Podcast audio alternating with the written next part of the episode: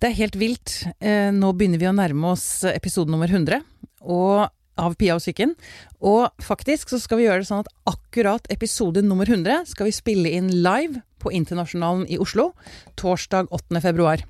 Og hvis du har lyst til å være med som publikum, og være med på festen etterpå, så kan du gå inn på eventet på Facebook-siden vår, Pia og psyken. Så kan du kjøpe billett der.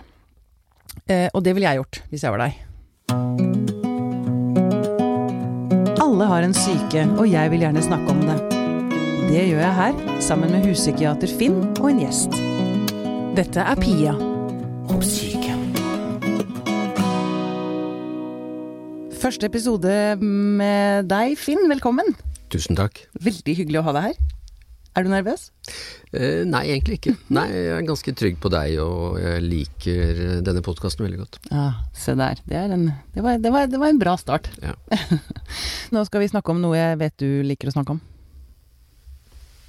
Nemlig skam. Nå skal vi snakke om skam. Og skamløshet. Ja.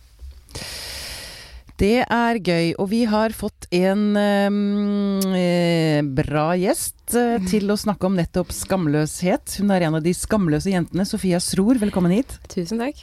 Du, du er ganske bråkete. det, skal, det, skal, man jo ikke være. Nei. Som jente. Det, det skal jo aller helst være eh, stille og adlyde. Men vi, eh, altså oss jentene, har jo vært ganske bråkete, ja. Mm.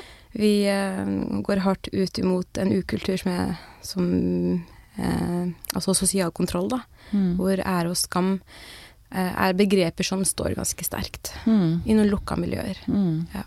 Nettopp. Rett og slett. Du, jeg har lyst til å si noe som um, um, Jeg syns dette er litt skummelt å snakke om. Mm. Fordi jeg er så innmari redd for å bære ved til uh, eh, muslimhetsbålet. Skjønner mm. du hva jeg mener? At mm. hvordan kan en kultur behandle sine kvinner på den måten? Mm. Jeg, bare, jeg, har bare lyst til å si det eh, ja. sånn innledningsvis. Don't stress. Altså, vi Altså, jeg um, vi, altså, vi gjør ikke dette her til et uh, muslimproblem eller innvandrerproblem eller minoritetsproblem. Mm. Vi er veldig opptatt av at dette her er strukturer man finner igjen i flere patriarkalske miljøer. Og ja. Og det skal ikke være altså, Men det bør ikke være skummelt å nevne at ja, det skjer i muslimske miljøer. Det skjer i kristne miljøer. Mm. Det skjer i andre miljøer. Det skjer i sekulære miljøer også. Ja. Så det Men Ja, men vi Altså, jeg er opptatt av kanskje altså Jeg snakker veldig mye om muslimske miljøer, da. For, kanskje fordi av min egen bakgrunn. Mm.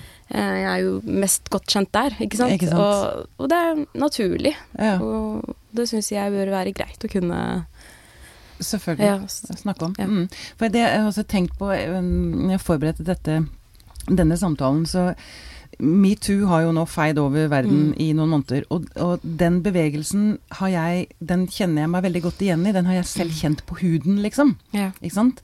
Men det Jeg Denne æreskulturen, den mm. Jeg kan den ikke. Jeg, jeg kjenner den ikke. Og jeg har så lyst til å bli Jeg, jeg har så lyst til å forstå den bedre, da.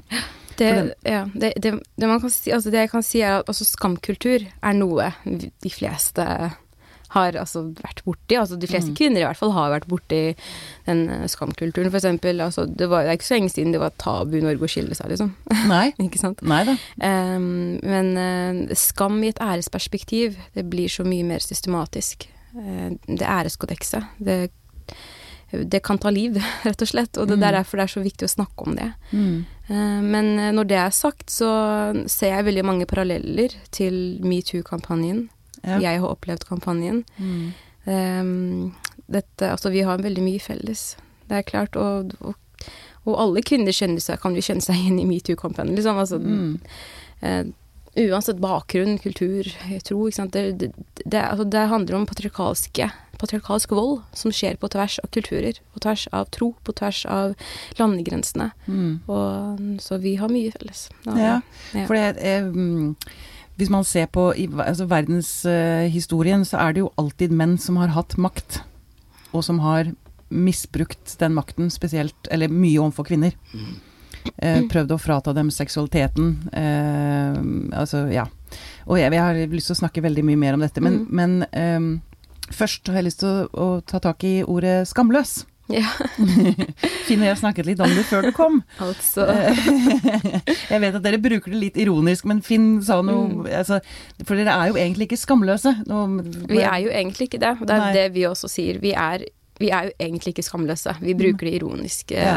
nettopp for å motsette oss den skam, usunne skampåføringen. Vi blir jo kalt skamløse, ironisk nok, ikke sant. Og der, ja, så er vi skamløse om det er synonymt å være fri.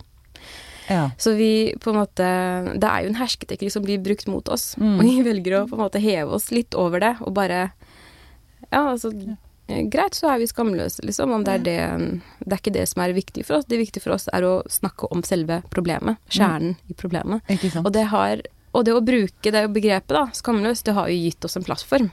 Vi har jo skrevet Ja, bok som heter ja, Ja. skrevet bok med tittel 'Skamløs'. Mm. Det er, nett, er fordi debatten ble såpass stor, og vi Og vi er, jeg vil mene at vi har klart å bruke den godt. Mm, det er jeg helt enig i. Det har vi. Og skamløsbevegelsen har jo blitt noe som de fleste mm, føler de kan assosiere seg med, og eh, ikke bare de som opplever sosial kontroll, mm, altså i skam- og æresperspektiv, men også sånn generelt i samfunnet. Mm. Um, så det har vært fint å se at vi har vært eh, Altså at folk føler seg inkludert. Ja, Ja. det er veldig det er, det er jo superbra. Altså både metoo, skamløs. Altså Mm. dette er jo Det skjer jo veldig bra ting for oss damer, tenker jeg. Og for samfunnet. Og for samfunnet. Ja, ja, selvfølgelig. Helt enig, og helt enig. Mm. Men uh, Finn, eh, skamløshet. Skam. Ære. Um, forklar. Ja. Eh, Mm. Da skal vi selvfølgelig ha god tid. Men for det første, ja. er en strålende bok og en viktig bevegelse. Og jeg syns det er flott at dere bruker skamløs på denne måten. Men det er jo ikke skamløshet. Det er jo snarere skamfrihet. Altså frigjøre seg fra kollektiv skam, da. Mm. Og skam og ære kan vi snakke om på veldig mange måter. Jeg tror det som eh, denne skamløs-bevegelsen handler om, da, slik jeg ser det, så er det jo på en måte å snakke litt om gammal skam. Og gammel gammal skam handler veldig mye om eh, skam og ære, og at du som enkeltindivid ikke skal gjøre for mye ut av deg sjøl. Du skal underkaste deg en norm. Da skal Ja. ikke komme med egne behov og egen selvrealisering og egen seksualitet og for den saks skyld egne meninger, for da gjør du for mye ut av deg sjøl. Det er gammal skam. Eh, og da fins det æreskodekser rundt dette. Denne lever vi med, og vi lever mye med den gjennom eh, det flerkulturelle samfunnet og mye innvandrerkuller, som har med seg en æreskultur som vi ikke driver så mye med. Altså, vi snakker jo ikke om ære så mye, du og jeg. Nei, vi ikke det, men har vi det her Men vi har kanskje flytta det til individuelle ting som heter karakterer på skolen, og så heter det CV, og så heter det perfekt kropp. Altså vi har tatt den kollektive æren, og så har vi gjort det til sånn individuelle prestasjoner. Aha. Så vi har på en måte, som et vestlig samfunn, så driver vi individualiserer alt. Og det tenker jeg er en interessant kanskje forskjell på metoo og skamløshet. er at metoo handler jo mye om eh, enkeltmenn som har grisete atferd på et litt sånn ukontrollert julebordvis. Så her snakker vi om eh, patriarkalske kulturer som er satt i system. Ja. Eh, F.eks. i form av tro eller tradisjonsbundne kulturer. Hvis vi snakker om moderne skam, da har vi med oss mye gammel skam òg, må ikke gjøre for mye ut av deg sjøl, men mye moderne skam for et vestlig individ, ikke minst for et ungt individ f.eks., det handler ikke om å gjøre for mye ut av deg sjøl, det handler om å gjøre for lite ut av deg sjøl. Ja, du er ikke interessant nok, du er ikke kreativ nok, du er ikke unik nok, du er ikke spesiell nok, du er ikke inspirerende nok. Altså, jeg er ikke god nok. Så når vi lever med begge disse skammene, da er det mye å skamme seg over. Men jeg har bare lyst til å si det du sa om at altså, skamløshet, i altså ordets rette forstand, da, det er faktisk eh, eh, bare en måte å dekke til skammen på, eller? Ja, altså det Nå er jeg psykiater, og vi har en slags samtale innenfor en sånn psykologisk ramme. Så da er vi bekymret for skam. Resten av verden er jo bekymret for skamløshet. Ja. Altså I 3000 år så har filosofer i Europa skrevet om det verste er jo skamløshet. Ikke sant? Hva betyr det? Jo, det betyr et menneske som ikke har normer.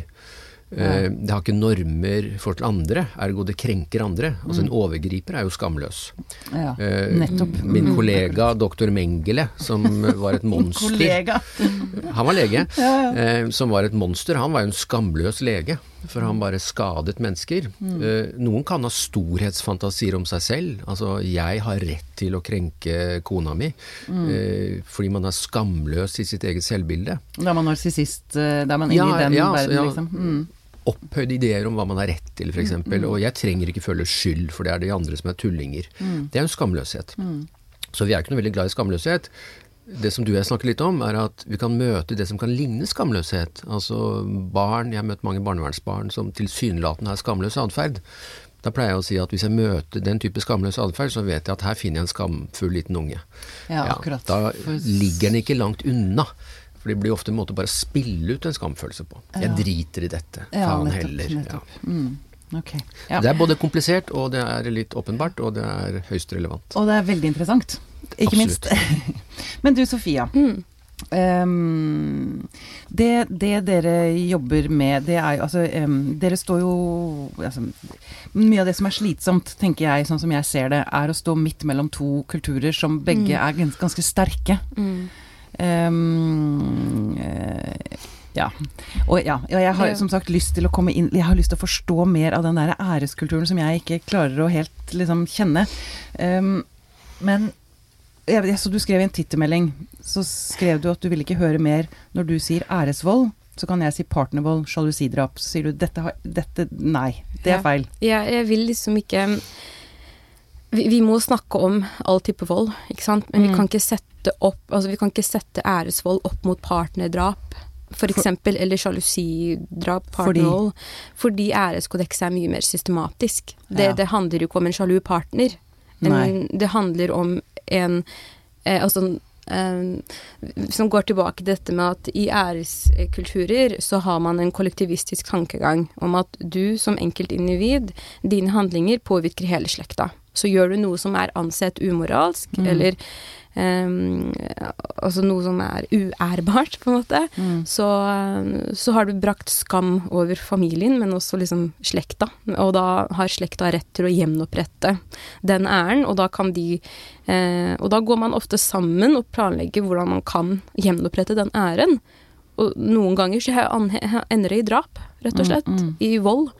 Eh, så det Ja, altså jeg er opptatt av at man må se de strukturene, og ikke prøve å skyve det vekk å si at ja, men eh, Altså ja, all, all denne volden er patriarkalsk vold, men vi må snakke om de ulike måtene det skjer på også, Mm. for å kunne gjenkjenne disse strukturene og bekjempe dem.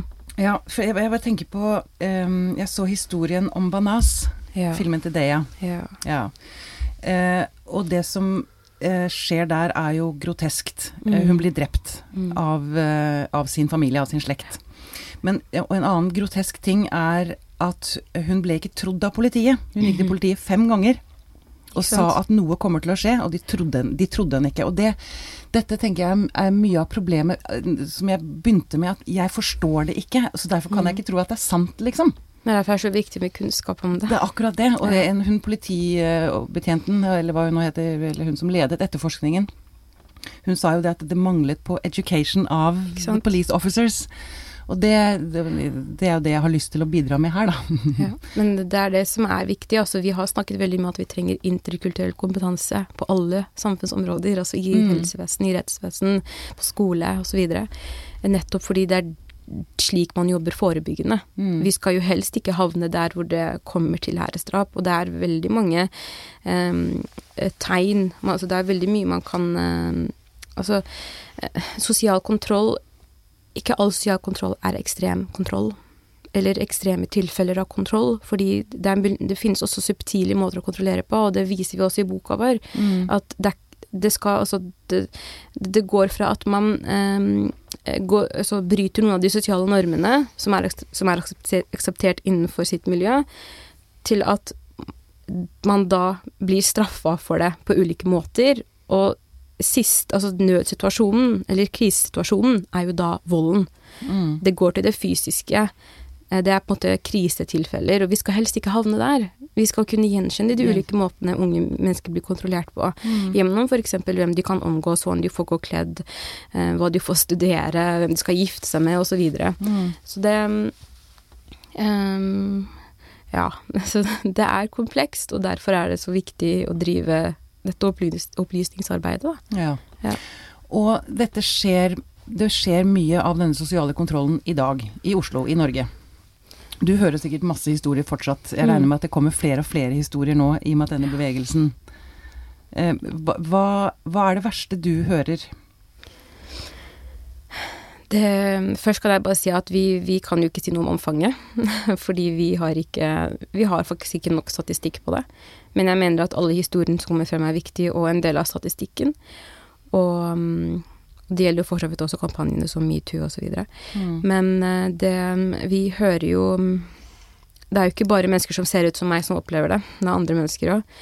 Hører om mennesker som har eh, opplevd at de har blitt sendt ut til utlandet for jomfrusjekk, f.eks. Mm. jenter som blir fortalt at de skal på ferie, og ikke kommer tilbake. Eh, eh, og som selv må prøve å komme hjem igjen gjennom å kontakte ambassader osv. Så, videre. så det er veldig tunge, tunge ting man hører. Mm. Eh, andre som forteller om andre ting, da, om at ja, jeg er fri, men inntil en viss grad. Um, hjemme får jeg gjøre det Jeg får liksom studere, gjøre det jeg vil. Jeg uh, har kontakt med f.eks. gutter. Jeg får lov til det. Men um, krysser jeg liksom noen grenser, uh, som på en måte for, eksempel har kjæreste, som er helt forbudt, så kan det gå hardt utover en. Mm. Og det er, litt, ja, det er litt det med at sosial kontroll spiller jo på dårlig samvittighet. Du liksom bare veit hvor grensene går. Um, og det um, Og så føler du liksom dårlig samvittighet når du gjør noe som er helt normalt. som er helt menneskelig. Når du blir forelska, liksom. Mm. Og så føler du dårlig samvittighet over at du har disse gode følelsene. Mm. Og det, og det er veldig synd at man ikke får Altså, det hemmer jo en helt normal menneskelig utvikling gjennom livet. Erfaring er jo viktig for alle mennesker. Mm. Altså, fra fra liksom em, barndommen opp mot voksenlivet. Når du har vært et barn eller ungdom som ikke får ta egne valg, ikke får kjenne på disse tingene, ikke får utfordre, reflektere, stille spørsmål, så blir du en voksen som sliter med å ta egne valg. Mm. Ikke sant? Ikke vet hvor man skal begynne. øh, Og det um, det er, ja, det er trist. Ja. Men vil jeg spørre deg, hvordan reagerer patriarkatet på denne skamløs-bevegelsen? Vi er jo skamløse. ikke sant? Det er vi som er de skamløse. Det er vi som eh, Men er det noen av gjør andre vondt. Det er vi som krenker. Ja, akkurat. Eh, vi Ironisk nok, men eh, ja, altså det Det er litt vanskelig. Det er mange som mener at disse temaene ikke Altså det er noe vi har funnet opp. Sosial kontroll finnes ikke. Ære og skam er bare begreper vi Særbegreper vi har funnet opp. Og, og det er litt sånn Ja, sosial kontroll er et ikke-problem, men vi får også høre at vi er en helt inneindustri, da. Ja, dere gjør det. Vi lever heftig på personlig debatt. Subjektive historier. Eh, subjektiv debatt. Så vi ja. Apparently så er vi alle ganske rike uh, by now, men uh, Men dette er vel, høres igjen ut som en herske, det er hersketeknikker. Mm. Det er det folk reagerer med. Jeg tror det er fordi man er litt redd for å bare Altså innse at vi har utfordringer. Mm. Vi, vi har det, vi har utfordringer, og det er viktig å um, anerkjenne. Men um, Og vi prøver jo ikke, vi er ikke- ute etter å ta noen. Vi er Vi vil bare Vi vil videre. Eller vil Det bare ha, ha plassen deres? Ja, vi vil videre, men andre er mer opptatt av at akkurat det som du eh, tok frem i stad, dette med at noen vil helst sammenligne æresvold med, med partnervold. Noen vil helst sammenligne sosial kontroll med um, eh, også eksempel Ibsens dukkehjem, ikke sant? Ja. Og jeg skjønner det, for det er jo paralleller, det er veldig mye vi har felles i disse kampene, men jeg er også opptatt av at disse kampene ble tatt her for noen titalls år siden. Vi har Mm. kommet mye lenger, men det står ganske stille i noen, andre, altså i noen lukka miljøer i Norge i dag. Og mm, så ja, altså vi, vi må anerkjenne utfordringene, rett og slett. Ja. Ja. Men uh, tenker du, Finn, at nordmenn at, vi har, at, vi, at det er vanskelig for oss å forstå den der æreskodeksen? Det, hvor, hvor, hvor sterk den er, liksom. Den klanfølelsen, eller familieæren som må gjenopprettes. Jeg Som sagt, jeg, jeg forstår det med hodet, men jeg, jeg Jeg Ja, altså, forstår, ja. jeg tror Ja, jeg tror det er vanskelig å forstå på en måte, men jeg tror kanskje en ganske nær vei til å få kontakt med det, er jo å begynne å lese egen historie. Altså se på besteforeldrene våre. Ja, Men vi har ikke hatt den samme æres... Jo, det har vi. det? Eh, Like sterk? Ja, ganske sterk, altså. Det var noe med å bli gravid i Østerdalen på 50-tallet uten at du var gift og Altså, vi skal ikke gå så langt tilbake. Jeg syns det er veldig spennende Sofia sier at det er, liksom, det er noen forskyvninger i tid her. Eh, så den er ikke så langt unna. Og tenk på mange av de homofile guttene, hvordan de strever Ja. i, i fotballklubber osv. osv. Så vi skal ikke gå så langt, tror jeg, for å gjøre det. Altså Både tid og til liksom andre ting da enn å forelske seg i en norsk gutt. Eh, en annen ting, nå skal ikke jeg gjøre dette her for komplisert, men eh, som vi snakker om, så er dette liksom eksplisitte normer. Altså kollektivet sier at sånn skal du ikke gjøre. Det er sosial kontroll. Vi har vel individualisert, altså for å drive med mine hangups, da. Det er nok flere som dør i Norge av spiseforstyrrelser enn av æresdrap. Eh, For det er en annen sosial kontroll, Ja. men da er den mer sånn implisitt. Da har vi gjort den, privatisert den mer. Men det er fortsatt sosial kontroll. Sånn skal du være perfekt, sånn skal du være flink. Så vi driver med det samme. Men kanskje er mer sånn vestlig, verdslig, mens den andre kanskje er mer eh, kollektiv og med helt klare religiøse rammer. Ja, men også at vi påfører også den selv, på en eller annen måte. Eh, altså vi er, Ja, vi da er den jo kanskje en- enda men verre, på en måte. det selv. Ja, ja. Eller jeg skal ikke sette en opp mot den andre, men jeg tror vi skal Begrepet sosial kontroll, begrepet makt, er ekstremt viktige begreper. Ja. Men for det, det, det, det, dette du sa, bli gravid i Østerdalen på 30-tallet, det, det, var ikke noen- det, var- det, var, det var ikke noen høydare Nei. Ja, altså man kan jo utenfor ekteskap. Men man ble jo ikke drept. Nei. Den, Den sterke, den trusselen, da, Mm. som, som jeg opplever som så skremmende Ja. i sterke patriarkalske muslimske miljøer. Um, Og andre, for så vidt. Og andre, for så vidt, ja. Men, ja. mm, Ja. mm. Men altså, man kan jo sette bygda i Norge da, i dag òg, faktisk. Har jo hørt Ja. historier der òg. Så det, um, det Man skal jo ikke, det er, man skal jo ikke se så langt Nei. for å finne igjen noen av disse strukturene. Nei, kanskje i ulik grad hvor sterkt de står i ulike miljøer, men um, Men dette med at familie-æren er sterkere enn kjærligheten til ditt eget barn, det er også sånn for meg Mm. veldig vanskelig å forstå. Ja, men eh, har dere sett Hva vil folk si? Ja, så jeg satt Jeg har ikke fått- jeg ikke fått sett den, dessverre. Iram Hakk. Haq. Iram Haq, hva vil folk si? Ja. Mm. Den viser jo også at um, det er ikke foreldrene som ønsker sine barn noe vondt, det er rett og slett det at man er så redd for å miste ansikt i miljøet.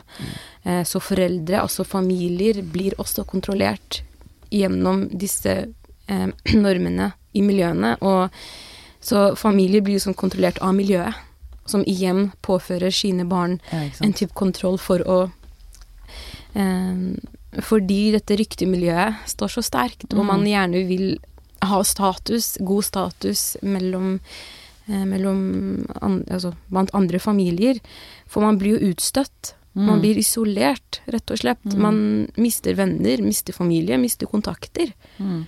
Eh, og det er ingen som vil stå alene. Det er ensomt, og det er, man er litt redd for den ensomheten, tenker jeg. Ja. Og og så ser man jo også at denne, denne pappaen, han, han, har, han har jo litt forståelse for henne til slutt. Han lar henne gå. Mm. Uh, og han innser på en måte at det han gjorde, det var forferdelige ting. Um, så det Men det er trist at det må dit, da. At noen må bryte med familien, rett og slett, for å få et, å få et godt liv. Mm. Og, Ja, jeg, jeg, men det, ja. mm, jeg ser ikke på det som løsningen. Det å bryte med familie, det, det er ikke løsningen. Nei. Jeg ser på foreldre som en del av løsningen, og de, de er nødt til å um, bli snakket med og Mm. forstått. Det er akkurat det, og Ja. neste poenget mitt, nemlig å ikke demonisere. Ikke sant? Fordi det er et system her som Ja. sitter så hardt. Og hvordan møter man best det? Mm. Og akkurat som du sier, Mm. prøve å få til en forståelse. For jeg kan forstå eh, på en eller annen måte det å flytte fra et annet land, en annen kultur, og så kommer du til et sted hvor de har helt andre normer, helt andre regler, og at, at man da er redd for å miste identiteten sin, Mm. og at man gjør nesten hva som helst for å opprettholde den. Jeg kan forstå ut ifra det perspektivet, da. Eh, ja. Ja. Jeg tenker jo at fordommer går begge veier. Mm. Tenker at vi har, altså I våre miljøer så har man en del fordommer mot uh, det man kaller norsk kultur. Mm. Og eh, sånn generelt så har man jo fordommer mot innvandrere uh, Mm. og andre mennesker som Ja, men, som, men um, det, ja, utfordre fordommer er jo Ja. en godt å starte der, liksom. Eh, starte i skolen, for eksempel, Mm. hvor man uh, inkluderer foreldre og har en Altså men ikke, det, ikke for å gjøre det til et minoritetsproblem, liksom at fordi det er minoritetsforeldre, så må vi snakke ekstra mye med dem, liksom, og de, vi må sørge for at de er med på foreldremøter. Mm. Altså foreldre um, Det er jo ulike årsaker til at man ikke er med på foreldremøter, liksom. Skal jo ikke si at å, fordi de er innvandrere, så er ikke de altså, Det er det typiske, ikke sant. Det er det typiske at man hører at da innvandrerforeldre er de som møter uh, sjel, mest sjeldent opp i foreldremøter, for eksempel. Men, men um, det å på en måte gjøre det klart at mellom foreldre og skole, så er det viktig med kommunikasjon. Uansett hvem du er, ikke sant. Så det, Ja, det er viktig å føle at man ikke blir fremmedgjort. det er akkurat det. Mm, vi starter jo der. Ikke sant. Mm. Men fordi jeg tenker jo at media kan ha en tendens til å nettopp demonisere, altså å skape steilere fronter, da. Ja, og det er vi vant til. Vi er også vant til at denne her saken blir misbrukt. Mm. Den blir brukt mot oss. Eh, mange som sier at ja, se på de skamløse jentene, liksom, det er jo ikke Ja, men det er jo Da er det sant, da, det vi tror om disse innvandrermiljøene. Det er jo sånn det er der. Det er jo et helvete der.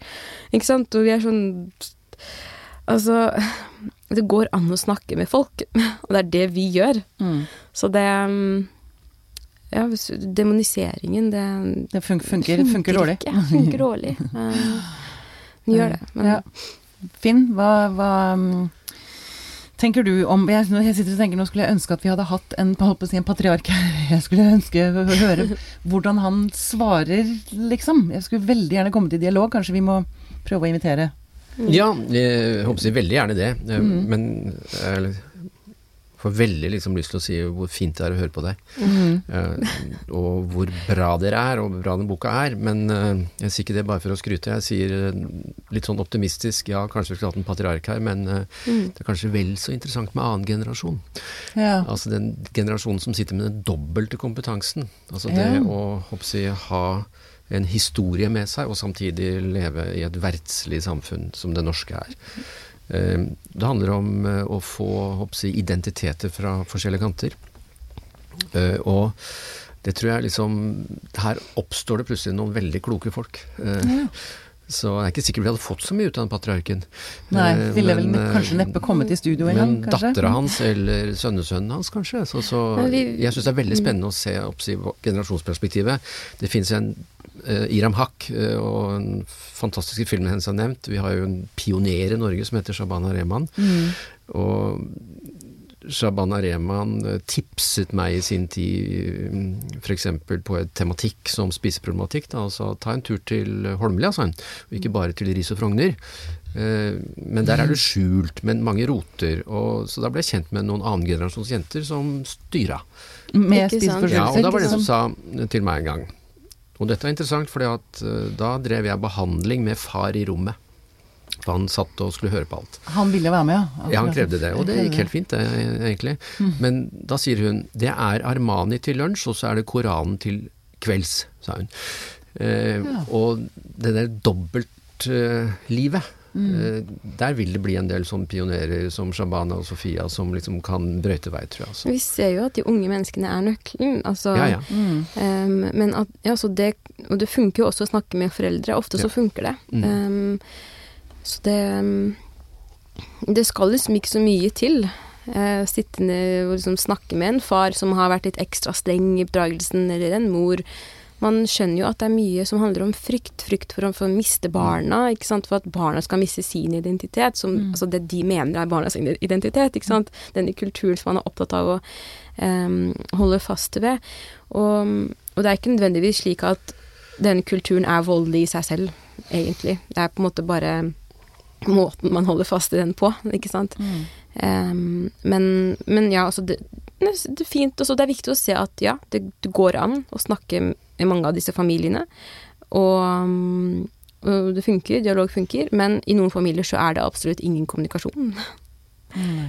I noen familier så er du liksom ikke viktig med mindre det er for ærens skyld. I noen familier så blir du aldri myndig som kvinne, uansett hvor gammel du blir. 20 år gammel, og pappa skal se i telefonen din, liksom. Hver gang du Før du legger deg. Så det er sånn 20 år gammel og får ikke ha de vennene du ønsker, får ikke må liksom rett hjem etter jobb. Det er sånne ting som bekymrer meg. Mm. Um, så jeg kan ikke si at det er det som er mest utbredt.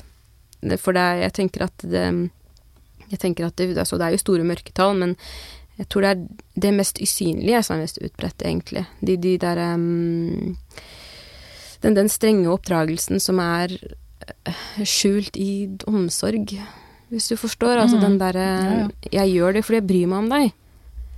Um, og da er det jo Da er jo ofte barna nøkkelen. De kan jo Ja, men det er jeg opplever ikke det som kjærlighet, ikke Nei. sant. Jeg opplever Men det er som vanskelig å ikke sant? si som et barn til foreldre, kanskje, at jeg Det er vanskelig. mener at dette det er ikke omsorg. Ja, men da Mm. kommer vi tilbake til det hvor i noen familier så er det rom for å utfordre. Mm. Andre familier så er det jo ikke Det er null kommunikasjon. Mm. Så det um, Men så igjen så har vi jo lovgivning på hva som er kriminelt, ikke sant. Og Mm. mye av den typen vold går jo under, under de um, paragrafene. Men, um, men den usynlige er jo er ikke alltid den er kriminell. Det er det som er vanskelig. Mm. Det er liksom ikke kriminelt å um, og, um, fortelle dattera di hva hun skal ha på seg. Nei. Men det er allikevel en psykisk kontroll Ja, en, en det er kontroll, det. Det er eh, psykisk. Mye av den subtile eller Psykisk vold Ja. kanskje også. mye av den subtile kontrollen. Ikke at den er så subtil og mild, men for å på en måte kategorisere alvorlighetsgradene. Men uh, mye av den er jo, det er jo psykisk vold. Det Mm. handler om å påføre dårlig samvittighet Mm. og um, eh, litt sånn Det er jo hersketeknikker også. Ja, hvordan- hersketeknikker. Høre med Finn, Ja. hva, hva, si, hva, hva kan man gjøre altså, for å verge seg mot sånn type kontroll eller vold? Ehm, har du noe Nei, jeg bare tenker igjen på at eh, nå snakker vi om Norge. mm. Eh, og dermed så får man jo også en slags eh, idé om at det går an å leve andre liv. Altså at det fins eh, bøker som denne og jenter som Sofia og som liksom forteller andre fortellinger, da. Mm. Så at du kan begynne å lene deg mot disse fortellingene. Ja. Om de dukker opp i sidespalten i Aftenposten, eller dukker opp i boka, eller om de dukker opp i forskjellige I fora. podkaster. I podkaster, men altså at um, det er én historie du kan oppleve her, men så finnes det også alternative historier. Dette her er jo så feminismen i nye nabolag. Mm. Eh, og da handler det mye om skam og ære, hvor feminisme handler for tiden mer kanskje om rettigheter i arbeidslivet og sånne ting. Altså om eh, 50 Mm. Men dette er en helt ny generasjon som kommer med motfortellinger. og jeg tror litt sånn på fortellingenes kraft, da. Ja. Ja, for da er det fortellinger å lene seg mot, og pioneraktige skikkelser å lene seg mot. Mm. Ja, altså jeg ser jo på dette som en samfunnskamp. Jeg Mm. Tenker at um, vi kommer langt med f.eks. bedre seksualundervisning på skolene. Bare det i seg selv. Uh, og det gjelder jo alle ungdommer, uansett bakgrunn. Um, vi kommer langt med enda bedre integreringstiltak. Um, også liksom for å på en måte bare sette ting litt i perspektiv. Altså kvinner som meg. Det er jo ikke slik at disse problemene er reservert til våre miljøer. Og kvinner som meg er jo engasjert på, På av, alle eh, samfunnsområder, mm. Vi, vi er studenter, vi jobber, vi um, bryr oss om skatt, vi bryr oss om um, kollektivtrafikk. alle Mm. gjør jo det. Altså, sant? Det er så rart å måtte si det. Det er så rart å måtte Ja, si at skjønner- vi er helt vanlige mennesker, liksom, som Mm. bryr oss om de um, både store og små tingene i samfunnet. Mm. Det er kjemperart. Mm. Men, uh, Men det er veldig bra- det er veldig bra det du sa. Believe it or not, vi er liksom vi er vanlige folk. Og det er ikke slik at alle ved oss lever under sosial kontroll og har det helt for jævlig, men, Mm. men også de som lever under den type kontrollen, har jo ulike liv. Mm. Det er så viktig med nyansene.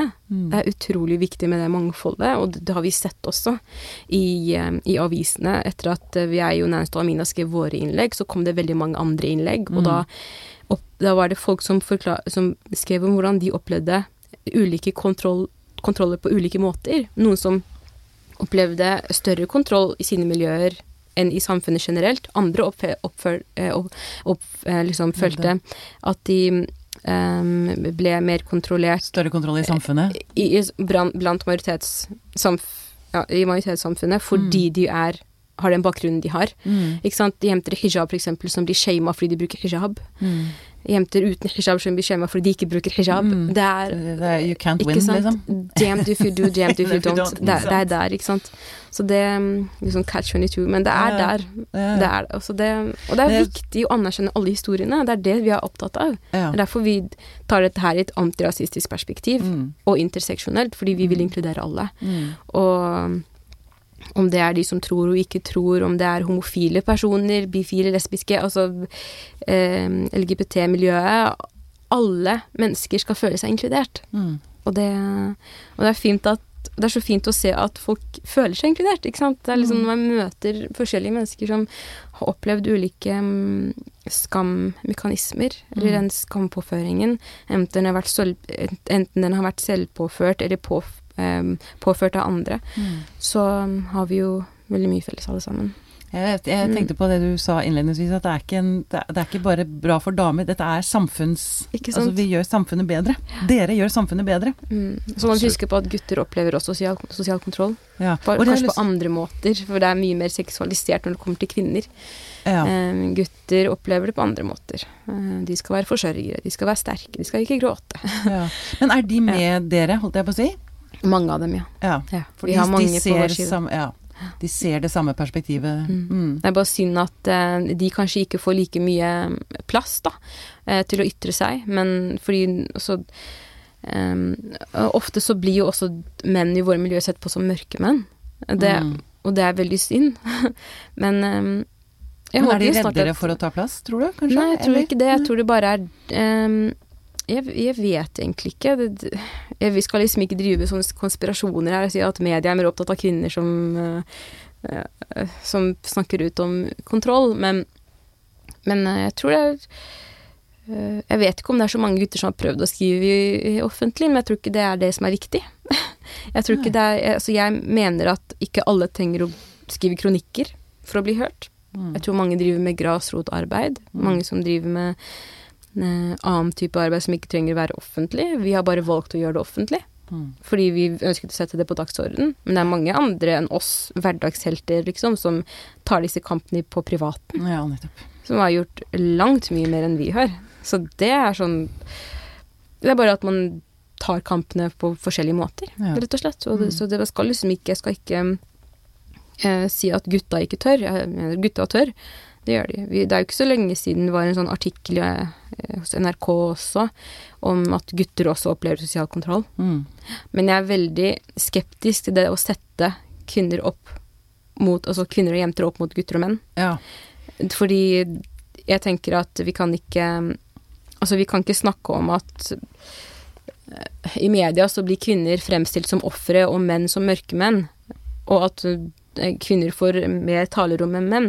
Da opprettholder vi jo bare samme strukturen Ja, på en eller ikke annen sant. måte. Jeg syns det er veldig synd. Mm. Vi må heller snakke om at vi opplever kontroll på ulike måter. Noen opplever det på samme måter, det kommer an på. Mm. Men at vi kan ikke sette eh, erfaringer opp mot, andre erfaringer. Det, det, blir, det er synd. Det, og det er unødvendig. være- Det er så unødvendig. Ja. Ja, det, Men vi er, kan vel si at vi beveger oss i riktig retning. det gjør vi.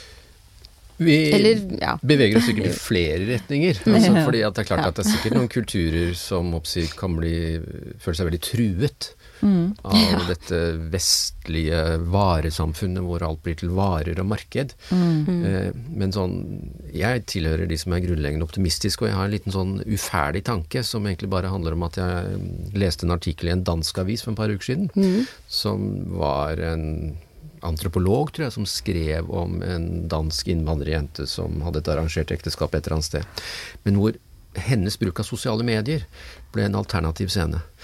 Altså fordi at én ting er liksom det der formelle livet Eh, Men eh, plutselig så var det en underskog eh, av kommunikasjon. Mm. Så den artikkelen beskrev nettopp håper jeg, Man kan faktisk leve et slags dobbeltliv i sosiale medier òg. Mm. Det kan man. Ja. Mm. Det Men- kan man faktisk. Ja. har jeg Det er jo en debatt i seg sjøl. Ja, ja, ja. Diskusjon i seg sjøl.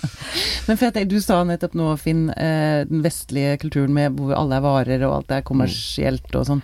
Jeg, jeg har jo også lyst til å liksom Det er jo noe med at eh, vår kultur er jo langt fra perfekt. Altså vi Det er jo ikke Vi har kommet langt i den vestlige verden, men det er jaggu mye som ikke er bra i vår verden. Altså, jeg tenker at altså, kulturer som kommer til oss, har også noe å lære oss, da.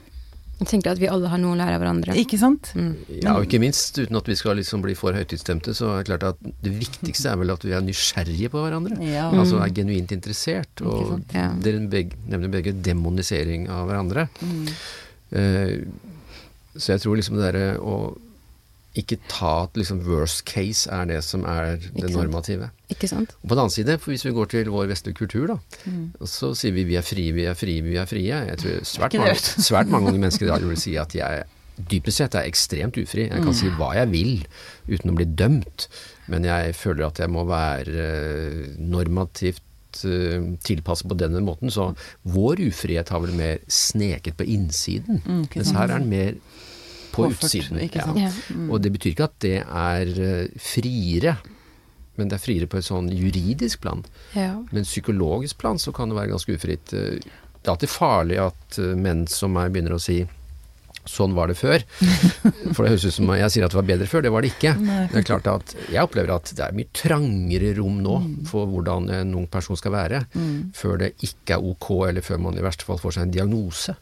Eh, Fordi Sant. at det er utenfor en norm. Altså, det var 11 000 barn i Norge som for ti år siden fikk ADHD-diagnose. Nå er det 42 000 plutselig.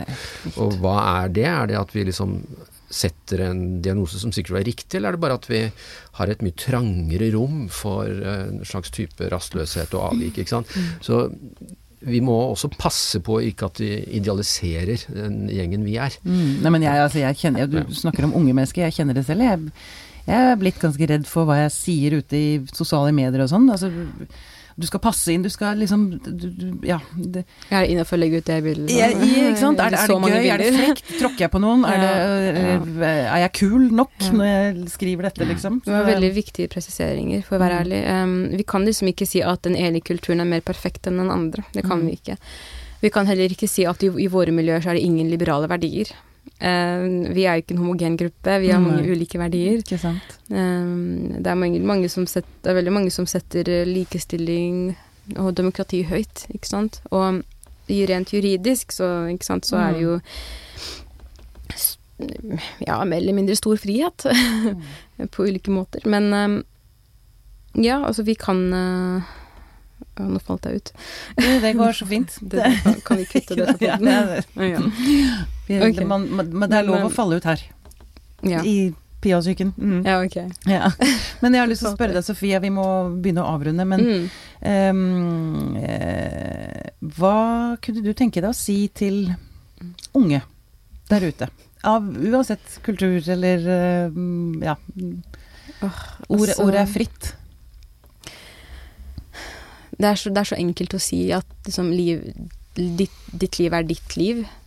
Eh, og det viktigste er jo hva din frihet betyr for deg. Mm. Frihet er veldig individuelt. Og alle har rett til å leve ut sitt autentiske jeg, ikke sant. Og, og altså Det er så enkelt å si, og jeg vet at det er komplisert å leve, altså, leve etter disse ordene, men det er jo det som er det viktigste i livet. Det er å kunne være seg selv og realisere seg selv, selvhevde seg selv. Og det mm, Jeg vet liksom ikke hva Nei, men det er det, det, er så, det er så vanskelig, men unge mennesker er fremtiden. mm. Det har jeg stor tro på. Jeg har møtt veldig mange unge mennesker som tar disse kampene i hverdagen og har gjort mye på, hjemme, på hjemmebane. Mm. Eh, har tatt kamper for å liksom studere det de vil. Gifte seg med den de vil. Mm. Mm, ja, gå med et hodeplagg, gå uten. Og jeg tror at det er vi som kommer til å det er vi som skaper Som gjør rommet større. Mm. Gir plass til andre. Mm. Plass til alle, rett og slett. Mm. Og det, det, er, det er noe av det viktigste arbeidet vi har i samfunnet vårt i dag, faktisk. Det er helt enig. Helt enig. Du Sofia, du må fortsette å bråke. Sofia Stror, tusen takk for at du kom til oss. Selv takk for at jeg fikk komme.